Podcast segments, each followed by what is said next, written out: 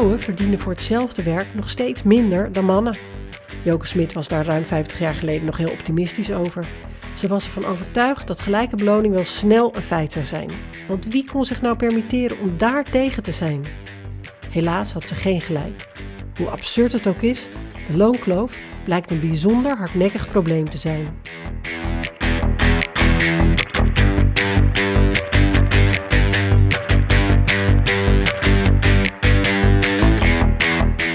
En dus verdienen vrouwen ook vandaag de dag nog steeds jaarlijks duizenden euro's minder dan hun mannelijke collega's.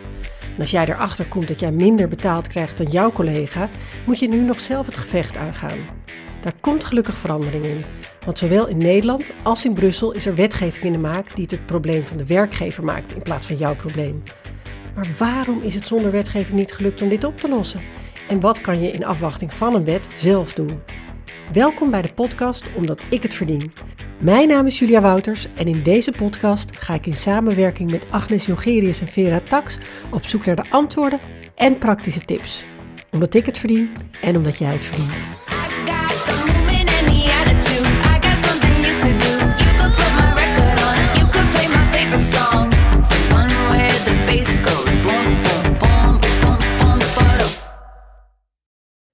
Vandaag praat ik met Monique Buurs van InTouch Female Leadership Academy. Monique geeft al meer dan 20 jaar trainingen, workshops en lezingen.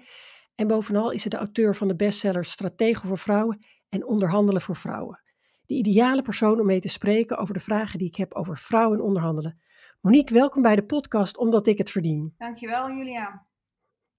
Maar eerst even dit. Toen Joke Smit eind jaren 60 van de vorige eeuw haar essay Het onbehagen bij de vrouw schreef, verbazen ze zich er nog over dat er nog altijd bedrijfstakken waren waar vrouwen met gelijk of gelijkwaardig werk minder verdienen dan mannen.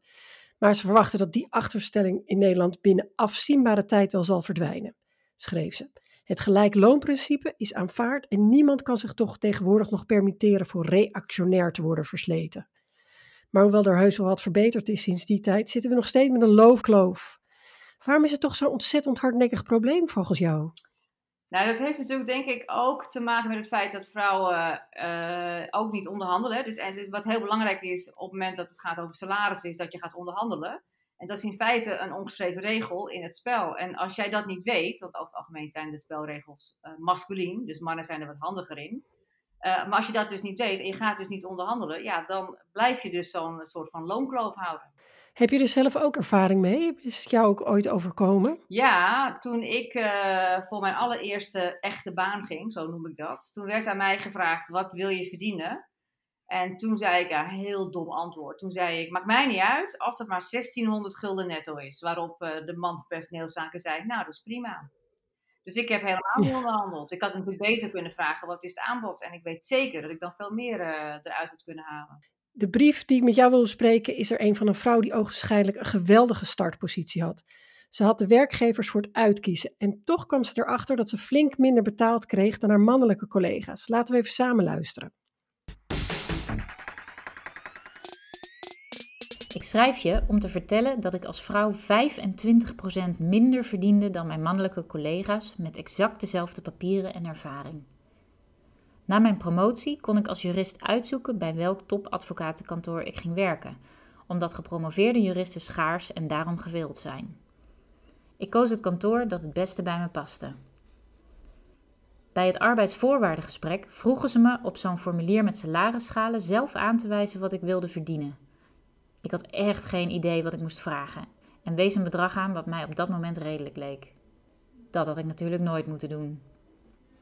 Ik had jaren op een klein promotiesalaris geleefd en kon dus moeilijk inschatten wat een gangbaar salaris was. Ik vroeg twee keer zoveel als wat ik als promovendi verdiende. Voor mijn gevoel heel veel. Vandaar dat ik dacht dat het wel goed zat. Vrouwelijke bescheidenheid maakte dat ik ook nog ergens in het midden aanwees en niet aan de top van het staatje. Na twee jaar met plezier te hebben gewerkt, zat ik eens in de trein terug naar Amsterdam met de enige drie andere gepromoveerde en mannelijke juristen van datzelfde kantoor van dat jaar. We raakten aan de praat over ons salaris en toen bleek dat deze collega's allemaal 25% meer verdienden dan ik. Nou, toen ik daarachter kwam, was ik zo boos en verontwaardigd dat ik geen angst meer voelde en naar mijn leidinggevende ben gestapt. Die stuurde me naar de HR-manager. Het heeft me de nodige moeite gekost om het salaris gelijk te laten trekken, maar het is uiteindelijk gebeurd, inclusief een terugbetaling voor de eerste jaren. Ze hebben zelfs mijn belastingnadeel gecompenseerd met een doorbetaald verlof, waardoor ik drie maanden op een universiteit in de VS kon les gaan geven, om vervolgens weer aan de slag te gaan bij mijn oude kantoor. Een win-win. En een ervaring die ik niet had willen missen. Het is dus eindgoed al goed. Maar ik heb ervan geleerd voortaan veel beter te onderhandelen en niet te makkelijk aan te nemen dat ik gelijk behandeld zal worden. Ik zal ook nooit meer in zo'n trucje trappen en altijd de werkgever eerst met een voorstel laten komen. Dat heeft me in mijn huidige baan heel veel geld gescheeld. Maar ik word nog kwaad als ik eraan denk dat ze me niet gewoon direct gelijkwaardig hebben betaald. Monique, jij traint en adviseert vrouwen om beter te onderhandelen. Wat herken je uit jouw praktijk in deze brief? Nou, wat ik uh, herken is het feit, is, is een stukje bescheidenheid, wat, wat zij zegt. Um, en dat zij uh, ook niet was voorbereid, hè, want ze had eigenlijk geen idee wat een gangbaar salaris was, zoals ze ook, ook letterlijk zegt. En dat is wat wij heel vaak meemaken, is dat vrouwen die gaan dan zo'n gesprek gewoon in en dan meer van het idee, nou, ik zie wel. En ik denk dat, er, dat, dat het bij haar ook zo is gebeurd. En wat vrouwen dan ook nog wel denken is van, uh, ja, ik, ik word gewoon betaald waar, gewoon naar wat ik waard ben. En dat is eigenlijk wel een denkfout die gemaakt wordt. Eigenlijk is dat toch niet zo'n hele rare gedachte om betaald te krijgen voor wat je waard bent. Waarom zou je daar zo voor moeten vechten? Ja, dat is een hele feminine gedachte die je nu noemt, uh, Julia. Dat is wat heel veel vrouwen denken. Dus ik word gewoon betaald naar wat ik waard ben. En vinden onderhandelen vooral gedoe. Maar onderhandelen is, uh, ook wat ik net al noemde, is een ongeschreven regel. Dus het is een masculine ongeschreven regel. En op dit moment zijn organisaties uh, over het algemeen nog ingericht uh, op basis van de mannelijke spelregels. Ik noem hem even heel zwart-wit.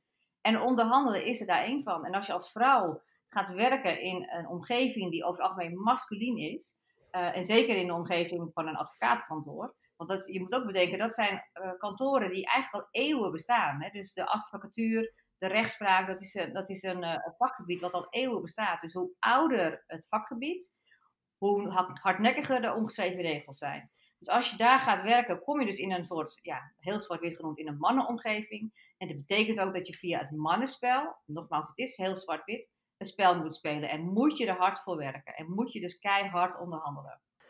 Kan je iets meer vertellen over die ongeschreven regels? Wat bedoel je daarmee? Nou, bij, bij, uh, wat, wat er bijvoorbeeld is bij uh, onderhandelen. Um, je kunt je altijd voorbereiden op een onderhandeling door te bedenken: ik krijg altijd een nee. Dus als ik iets ga vragen. Dus even in dit voorbeeld is, is aan haar gevraagd uh, of, om, om, om zelf een salarisschaal aan te wijzen. terwijl op dat moment had ze gewoon beter kunnen draaien en kunnen zeggen: Nou, wat zou passend zijn in uw ogen voor deze positie? En dan uh, kan je gewoon veel beter nadenken van oké, okay, misschien komt iemand wel veel uh, hoger uit. Als iemand veel lager gaat inschalen dan wat je zelf hebt bedacht, ja, dan, dan, uh, dan heb je natuurlijk nog meer werk aan de winkel. Maar wat je vooral moet doen, is dat je moet voorbereid zijn op een nee. Dus je vraagt om iets. Hè, dus in dit geval had zij natuurlijk om een heel hoge salarisschaal moeten vragen. En dan had ze voorbereid kunnen zijn op die eerste nee. Bijvoorbeeld het antwoord zou dan kunnen zijn: nee joh, dat is een veel te hoge schaal. Uh, en dan kom je met één argument waarom jij vindt dat het juist wel deze schaal zou moeten zijn. Dus je moet voorbereid zijn op die eerste nee, en op de tweede nee, en op de derde nee, en op de vierde nee. Dus je moet constant op een nee voorbereid zijn. Dat is, dat is best wel spannend. In een vorige aflevering was er een briefschrijver die beschreef hoe onderhandelen voor haar als een conflict aangaan voelde. Dus als je je moet voorbereiden op niet één nee, maar misschien wel vier nee's, dat is best wel. Uh, dan moet je heel wat hobbels over. Nou, dat, en dat is wel een punt. Uh, en dat is omdat uh, voor vrouwen wordt het, uh, hebben de neiging om het persoonlijk te maken. en denken wel heel snel dat het tot een conflict gaat leiden. enerzijds zit daar de gedachte achter dat we aardig gevonden willen worden. Nou, wij zeggen altijd, het is heel simpel. Hè? Een derde van de mensen vindt jou maar aardig. Een derde vindt jou niet aardig. En een derde vindt niks van jou. En die gedachte in je hoofd maakt onderhandelen al een stuk makkelijker. Uh, dus je hoeft helemaal niet aardig gevonden te worden. Dus dat kan je gelijk vergeten. Hè, zeker als het maar gaat om een derde die jou aardig vindt. En ook nog de gedachte dat het ook steeds wisselt wie jou aardig vindt. Maar in dit geval gaat het ook nog zo, en zeker bij een advocaatkantoor kan ik me iets bij fantaseren, is dat van jou wordt ook verwacht dat je goed onderhandelt. Dus je verdient juist respect door er heel krachtig in te zitten. Dus je gaat geen conflict aan, en die gedachten hebben vrouwen veel meer. Maar voor mannen betekent het heel vaak uh, van als jij heel sterk kan onderhandelen, dan verdien je daardoor juist respect. Maar is het niet ook zo, oké, want je hoeft niet door iedereen aardig gevonden te worden, maar juist door degene die jou jouw salarisverhoging of jouw salaris moet gunnen, is het toch wel handig als die jou tenminste nog aardig vindt. het is veel belangrijker dat de ander respect heeft voor je. Dus ik zou dat aardig gevonden worden wel even loslaten. Natuurlijk is het voor een vrouw wel zo dat het iets complexer is. Dus, dus je moet wel een soort van gunfactor hebben. Maar je wint meer met respect verdienen dan uh, alleen maar aardig gevonden worden. En wat moet je nou met opmerkingen als iemand die zegt van, nou, voor jouw leeftijd verdien je toch goed? Want dat is natuurlijk ook ingewikkeld, hè? Als je een, een baan krijgt, uh, je volgt iemand op die veel ouder is dan jij en dan, ja, hoeveel geld heb je nou helemaal nodig? Ja, dat is wel mooi wat jij zegt, want ik herinner me toen ik, toen ik mijn allereerste echte baan had en op een gegeven moment ging ik ook leiding geven. En toen hadden wij ook uh, leeftijdsschalen. Um, dus dan had je van 18 jaar tot 23 jaar had je ook leeftijdsschalen. Dat was altijd lager dan de reguliere schalen. En ik weet wel dat ik toen als leidinggevende, toen, ik, toen, kreeg ik iemand te, te werken, zij was 19, dat ik me daar keihard voor heb uh, uh, gemaakt om dat te laten vallen. Omdat ik het ook echt onzin vond. Want of je nou 19 bent of 25, het werkpakket is gewoon hetzelfde dus op het moment dat je dus zo'n reactie krijgt van, uh, ja, hè, je, je bent nog jong of je hebt nog minder nodig, dat, dat doet er helemaal niet, niet toe voor de ander. Het gaat erom, welk werk lever je voor, voor, ja, voor dat zakje geld, zeg maar. Dus dat moet je helemaal lostrekken van, uh, van leeftijd. En het feit of je het nodig hebt of niet, dan gaat de ander natuurlijk helemaal niks aan. Nee. Dus als ik een beetje samenvat, dan zeg je, bereid je goed voor, hè? weet wat je waard bent. Bereid je ook voor op meerdere nee's. Dus haak niet meteen af met de eerste nee. En wat je waard bent, heeft niet zozeer met je leeftijd te maken of met je geslacht, maar met wat je verantwoordelijkheden zijn. Maar dan ga je dat gesprek aan en dan krijg je die nee. Ehm, hoe kom je dan steeds weer terug? Want eh, ja, de, de, natuurlijke reactie kan ik me voorstellen als iemand zegt, nou dat is echt niet mogelijk. Of ja, als ik een voorbeeld van mezelf terughaal toen ik bij het ministerie van Sociale Zaken ging uh, solliciteren. Ik had eigenlijk al de baan, want ik kwam met Lodewijk Asscher mee toen werd mij gewoon heel erg duidelijk gezegd dat wat ik wilde niet mogelijk was. Want dat stond in het blauwe boek. Het, toen heb ik de tegenwoordigheid van geest gehad om in dat gesprek te zeggen: Nou, ik moet er echt even heel erg over nadenken. Ik ga nu naar huis. Maar het beste is natuurlijk als je het gewoon in één gesprek afrondt. Wat, wat doe je nou met zo'n nee? Ja, wat je dus, waar je dus op voorbereid bent, is uh, op alle argumenten. Dus bij e-, de eerste beste nee, dan geef je één argument terug. Dus bijvoorbeeld in jouw geval, als ze zeggen uh, het staat in het blauwe boek, hè, dan, zou jouw eerste argument kunnen zijn. Uh, nou, als ik even kijk naar mijn uh, takenpakket, dan betekent dat dat het gewoon in deze schaal terecht zou moeten. gewoon als voorbeeld. En dan krijg je weer een nee. Hè? Van bijvoorbeeld, ja, nee, maar we moeten echt vasthouden aan de, aan de blauwe boek. En dan kom je dus met je tweede argument. Dus wat je dus niet moet doen, is al je argumenten die je hebt voorbereid in één keer bij de eerste nee gelijk op tafel brengen. Want dan heb je eigenlijk niks meer om over te onderhandelen. Bovendien, als je dan gaat herhalen, word je een zeur. Dat wil je natuurlijk ook niet. Dus je hebt je voorbereid op verschillende neeën. En iedere nee betekent één argument. Wij noemen het ook wel, iedere keer moet je dus terug op je paard. Want hoe is dat bij jou toen goed gekomen, Julia? Mag ik dat vragen eigenlijk? Ja, dat mag je vragen. Ehm, ik ben weggelopen en ik heb huilend uh, mijn baas gebeld dat ik de baan niet wilde als het zo moest. En toen zei hij, we gaan het regelen. Maar ja, dat is natuurlijk heel makkelijk, want ik had dus iemand die uh, de baas was.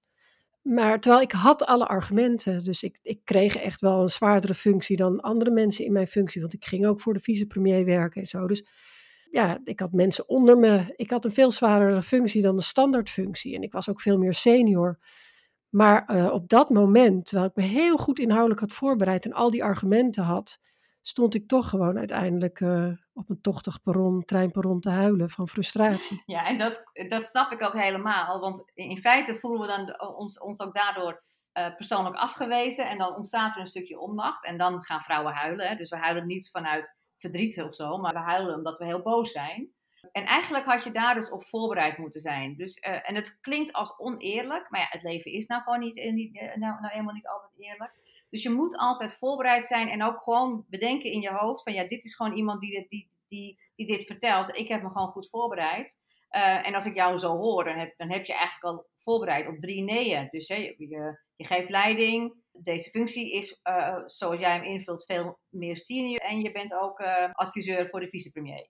Dus je hebt eigenlijk al drie keer een nee voorbereid. Dus het is wel belangrijk, en dat is wel misschien nog wel een goede tip voor als je het nog een keer zou moeten doen, is dat je dit soort gesprekken gaat oefenen. Dan, dan komt die ook niet als een verrassing. Dus ook al had jij niks geweten over een blauw boek, je hebt in ieder geval een keer uitgesproken tegen iemand uh, al deze argumenten. En dan, eh, als het in het echtje gebeurt, dan loopt het altijd iets anders, maar je hebt het in ieder geval een paar keer uh, je strot uitgekregen. En dat helpt enorm om het ook uh, in het echt te doen. En dan was de kans veel kleiner geweest dat je huilend op dat perron had gestaan. Ik heb ook wel eens gehoord dat het goed is om stil te laten vallen. Jij zegt ook één argument per keer. Die, die moet je dan waarschijnlijk ook laten volgen door een goede, diepe, lange stilte. En als de ander dan ook stiltes voert, dan uh, wordt het heel spannend. En dan is het gewoon degene die uh, het langste stil, uh, stilte houdt, dat is de winnaar. We zeggen altijd degene die praat betaalt. dus het wordt heel ongemakkelijk dan. Dat kan ik je gelijk, nou ja, ik denk dat je dat zelf ook wel weet. Maar uh, uiteindelijk, zeker als je met een man onderhandelt, kan het ook wel een soort van humor inbrengen. Zeker, zeker als die man ook het spel snapt. Ja, dus gewoon degene die als eerste gaat praten, ja, die is dan de verliezer. Dus het kan nog heel lang duren. En heel ongemakkelijk worden, maar het maakt heel veel sterker. En wat ik wel mooi vind is ehm, dat je dit aanhaalt. Want wat vrouwen dus doen, op het moment dat ze dus iets gezegd hebben, bijvoorbeeld een argument, dan gaan, ze, gaan die hersenen die gaan echt in een sprint en die gaan bedenken: oh jee, ik vraag te veel. Oh jee, wat gaat hij wel niet van me vinden? En de bedoeling is juist dat je, en wat, en wat vrouwen dan gaan doen, gaat het nog kleiner maken. Bijvoorbeeld, uh, nou ja, ik wil eigenlijk wel schaal 13, maar ja, weet je, als echt niet kan, dan, ja, dan kan misschien nog schaal 12 ook wel hoor. Weet je, dan maak je jezelf kleiner en je hele argument is dan weg. Dus, en op het moment dat je een stilte houdt, kun je ook niet vertellen om jouw argument te verkleinen. Dus daarom is het houden van een stilte juist heel krachtig, maar ook heel spannend. We hebben een enquête gehouden. Het blijkt ook dat heel veel vrouwen het dus toch nog steeds spannend vinden. En ook als ze wel onderhandelen, want steeds meer vrouwen onderhandelen wel en ook vrij goed, dat ze het helemaal niet leuk vinden om te onderhandelen. Dat ze het moeilijk vinden en naar vinden en er zelf een hele nare smaak van in de mond overhouden. Ja, en ik denk wel dat er dan onderscheid moet worden gemaakt of je onderhandelt voor een ander of voor jezelf. En dus uh, wat we zien is dat vrouwen die bijvoorbeeld uh, onderhandelen op een markt in uh, Marrakesh of zo, ja, dan, eh, dan, eh, dan, dan is het wel zeg maar eh, één groot spel. Maar het gaat vooral als het gaat om onderhandelen voor jezelf. Dan vinden we het heel spannend en doen we het ook liever niet. En we vinden het ook gedoe. Want namelijk de vrouwelijke spelregel is namelijk, je, weet, je, je doet gewoon je werk en daar word je gewoon voor betaald. En onderhandelen is nou niet in jouw beleving onderdeel van het werk. Dus vinden we vooral gedoe. En het gaat gewoon om eerlijkheid, openheid en transparantie. Dus waarom zou je nou zoveel effort moeten steken in onderhandelen? En dat is dus een denkfout, want onderhandelen is wat ik net al noemde, een masculine spelregel. Um, en dat is wat mannen van, wel van je verwachten. Want op het moment dat jij dus met een man onderhandelt en hij zegt nee, en je denkt, nou ja, dan maar niet, hè, dan ga ik uh, misschien volgend jaar weer een keer vragen. Dan is hij enorm teleurgesteld, want voor hem is het namelijk één groot spel. Uh, het mannenspel. En dat betekent dat je iedere keer dus terug moet komen. Wij noemen het ook wel terugkomen op je paard dus je hebt eh, Jan en uh, Piet en die zitten op een paard cowboytje te spelen. En Jan die slaat Piet van zijn paard. En Piet denkt, oké, het spel is begonnen. Die gaat terug op het paard. En dan gaan ze weer met elkaar vechten. Dan wordt Piet weer van zijn paard geslagen. Die gaat weer terug op zijn paard. en dat is eigenlijk het mannenspel van competitie aangaan. En dat is onderdeel van onderhandelen. Terwijl als je Jan en José op een paard laat zitten. En Jan die slaat José van de paard. Ja, dan weet jij wel wat José gaat doen. Huilend naar de moeder. Ja, precies. Ja. En dat zit op paard te wachten totdat José terugkomt. Omdat het spel begint dus pas bij de eerste nee.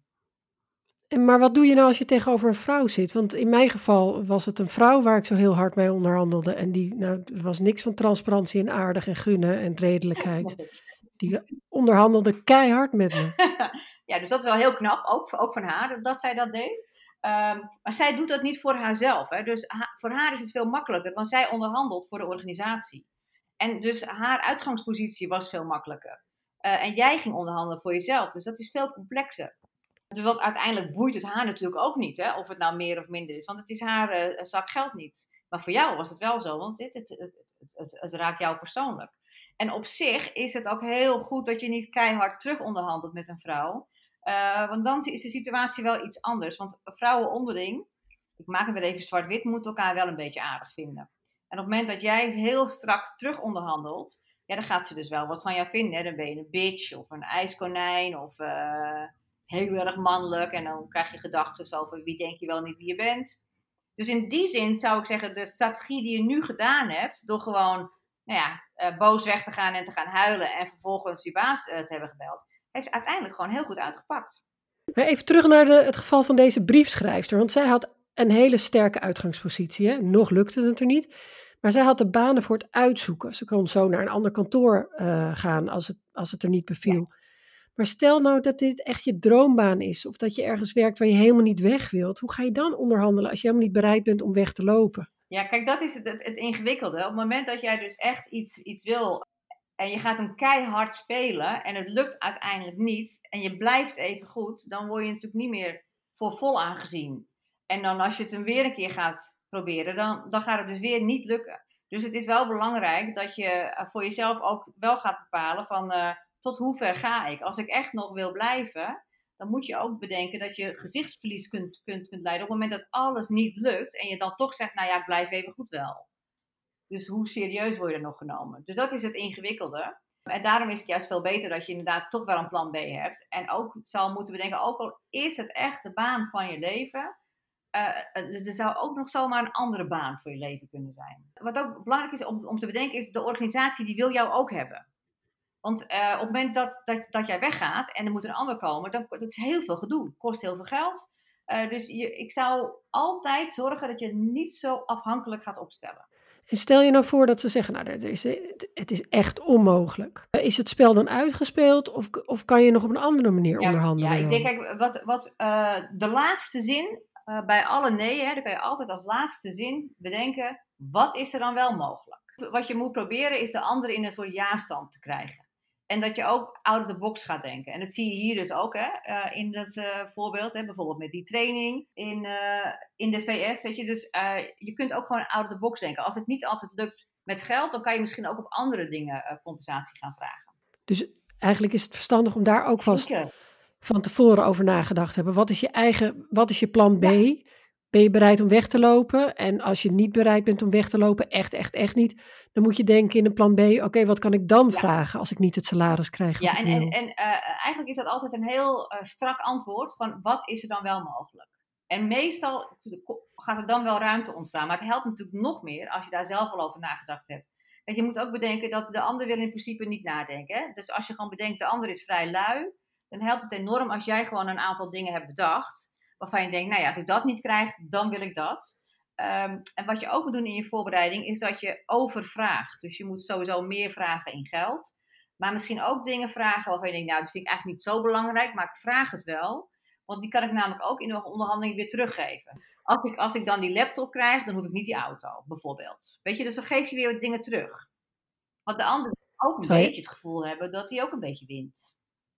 Ja, terwijl je eigenlijk al bedacht had, die auto, uh, ik hoef helemaal geen auto, kan op de fiets naar werk. Dus je moet daar ook over nadenken. Dus wat zijn dingen die je weer makkelijk weg kan geven? Hey, en als je nou in een beroep of een beroepsgroep werkt waar de lonen eigenlijk behoorlijk vaststaan, zoals in de zorg of in het onderwijs, kun je dan toch nog onderhandelen of is het dan slikken of stikken? Er is altijd onderhandelruimte. Je moet ook maar bedenken hoe graag willen ze jou hebben. Um, en organisaties zijn zijn ook best creatief. Hè. Er zijn ook wel uh, voorbeelden waarbij er wordt gewerkt met markttoeslagen of met andere toeslagen. Je kunt ook bedenken dat je bijvoorbeeld minder uren werkt voor hetzelfde geld. Hè. Dus dat je niet 40 uur contract doet, maar 36, maar wel voor 40 uur betaalt.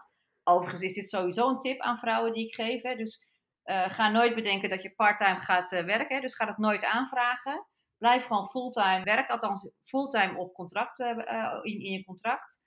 En hoe je dat gaat inrichten, moet je dan gewoon zelf oplossen. Want op het moment dat jij minder gaat werken, is er niemand die jouw plek gaat invullen. Dus stel, je gaat naar 32 uur, dus niemand die die 8 uur voor jou gaat overnemen. Dus in feite doe je hetzelfde werk, alleen voor minder geld. Dus daar moet je altijd voor, uh, voor waken.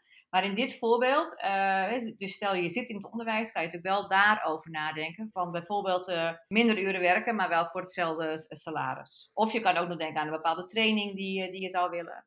Maar er is altijd ruimte om te onderhandelen. En zeker als jij heel goed bent en ze willen je graag hebben. Uit die enquête die we gedaan hebben, bleek dat verreweg de meeste vrouwen helemaal niet onderhandeld hebben voor een eerste baan. En daar kan ik bij komen, want ja, dan moet je je nog bewijzen. Dan heb je nog niet bewezen dat je ook echt goed bent. Want Ja, dat weet je zelf nog niet eens of je wel zo goed bent. Uh, je moet er altijd van uitgaan dat je gewoon heel goed bent. Um, en dat je jezelf moet bewijzen, dat is echt een, een, denkfout van heel veel vrouwen. Ons antwoord daarbij is altijd: op het moment dat je een zak chips koopt bij de Albert Heijn, moet je hem ook gelijk afrekenen. En niet alleen als je hem lekker vindt. En daarmee bedoel ik dat op het moment dat. We hebben dit voorbeeld ook, heb ik ook wel eens gehoord van een vrouw die heeft hem ook toegepast. Tegen haar werd gezegd: Weet je, als je nou eerst naar deze baan doet, hè, dan kijken we over zes maanden wel even verder. Hè, dan heb je wat ingewerkt en dan uh, begrijp je alles. Bla bla bla. En toen heeft ze deze zin letterlijk gezegd: hè, van die chips bij Albert Heijn. En die man met wie ze dan onderhandelde, die moest daar vreselijk om lachen, want die zag de humor daar weer van in. En uiteindelijk heeft ze gewoon salaris gelijk gekregen. Dus het is altijd belangrijk, dus ga er gewoon vanuit dat je goed bent, want de ander wil jou al hebben. Want je bent niet voor niks al zo ver gekomen, want dit is de laatste ronde, de arbeidsvoorwaarden. Betekent in feite dat er al een ja tegen jou is gezegd. Het gaat alleen nog maar om een zakje geld en de andere voorwaarden. Hey, we zitten nu in een economische crisis, hè, dus dat maakt succesvol onderhandelen er niet makkelijker op. Dat is maar de vraag, want ook dat is gelijk weer een argument. Dit is in feite al een voorbeeld van een eerste nee. En dan zou je dus kunnen zeggen, ja, maar juist in tijden van crisis is het belangrijk om talent aan boord te houden. Ik noem maar even wat. Ja. Het ik kan me wel heus wel voorstellen als jij dus oh, inderdaad op een baan solliciteert en er zijn 200 eh, anderen die ook hebben gesolliciteerd, uh, dat het dan misschien spannender is. Maar ook dan moet je ook bedenken, je zit al in de laatste ronde. Dus de keuze is al op jou gevallen. En als je nou uh, niet op een baan, maar op een klus solliciteert, dus je bent ZZP'er of freelancer, dan is onderhandelen nog weer ingewikkelder. Want voor jou tien anderen. Dat zou kunnen, maar ook dan is de keuze op, op jou gekomen. Enerzijds om, om, om hetgeen wat je al hebt geleverd, maar uh, anderzijds ook op wat andere mensen misschien wel van jou zeggen. Dus wees niet te bang. En natuurlijk kan het zijn dat het niet lukt. En ook dan is het belangrijk om een ondergrens uh, voor jezelf te bedenken. Ik vraag meestal een tip, maar je hebt er wel honderd gegeven. Heb je misschien een tip wat je absoluut niet wat moet je doen? Niet moet doen? Uh, wat je dus absoluut niet moet doen, is uh, inderdaad uh, luisteren naar die stemmen. Wat ik net al noemde, op, op, het moment dat je dus iets vraagt of je geeft een argument, dan, hebben, dan gaan die hersenen die gaan op hol slaan. Hè, dan ga je van alles bedenken. Uh, en probeer je hersenen eigenlijk op stilstand te krijgen. Dat is bijna onmogelijk. Mannen kunnen dat overigens wel. Daarom kunnen mannen ook vissen bijvoorbeeld. Vrouwen kunnen hun hersenen niet op stilstand zetten. Maar probeer de focus te houden op de onderhandeling. Dus luister niet naar die uh, stemmetjes. En wat je ook niet moet doen is denken voor de ander. Dus bijvoorbeeld uh, denken van ja, ik moet niet te veel vragen. Want anders gaat hij misschien wel dit of dit van me vinden. Dus wat je niet moet doen is denken voor de ander. Hoe empathisch je ook bent. Maar probeer vooral voor jezelf te denken.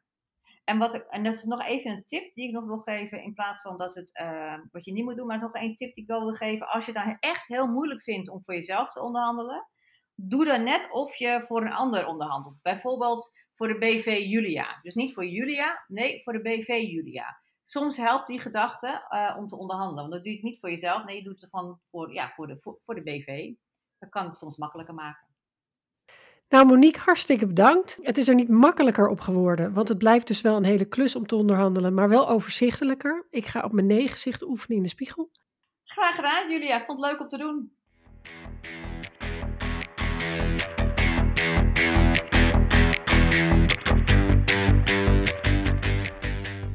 Elke aflevering delen inspirerende vrouwen hun verhaal of tip. En dit is de tip van Dit is de tip van Sophie van Gol van salarisstijger.nl. De kracht van anchoring, dat betekent dat je hoog inzet. Stel je voor dat je in een uh, Chanel winkel komt en er staat daar midden in de winkel een tas van 50.000 euro. Die tas is niet echt bedoeld om te verkopen, maar is bedoeld om te aanschouwen. En vervolgens loop je rond in die winkel en zie je een tas van 1000 euro en denk je, nou, dat valt eigenlijk best wel mee. Dat is wat je ook moet doen met onderhandelen. Hoe hoger het bedrag is dat je aan het begin kunt noemen, hoe hoger het eikpunt wordt in de rest van de onderhandeling. En je hoeft niet te liegen, maar je kunt dus wel vermijden om. Je moet nooit antwoorden op de vraag wat je op dit moment verdient.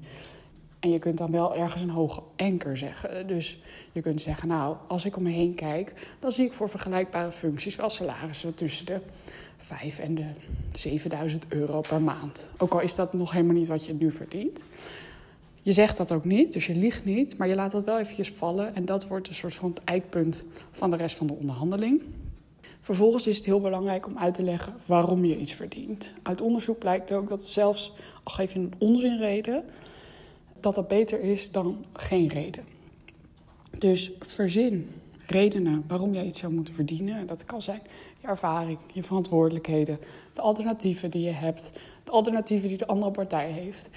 En zorg dat je die goed hebt voorbereid en gooi die in de strijd. Want dan heb je een goed verhaal. Ik wil een hoog salaris en ik verdien het ook, want dit en dit zijn de redenen. Dankjewel voor het luisteren.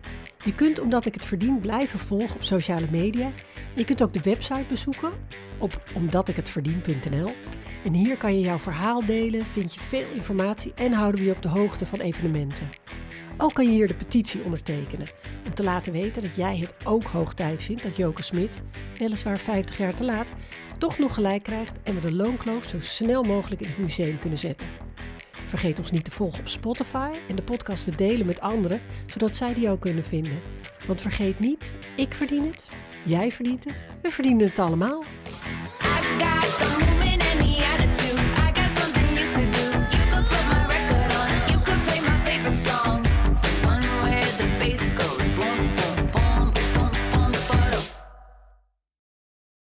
Want vergeet niet, ik verdien het, jij verdient het, we verdienen het allemaal.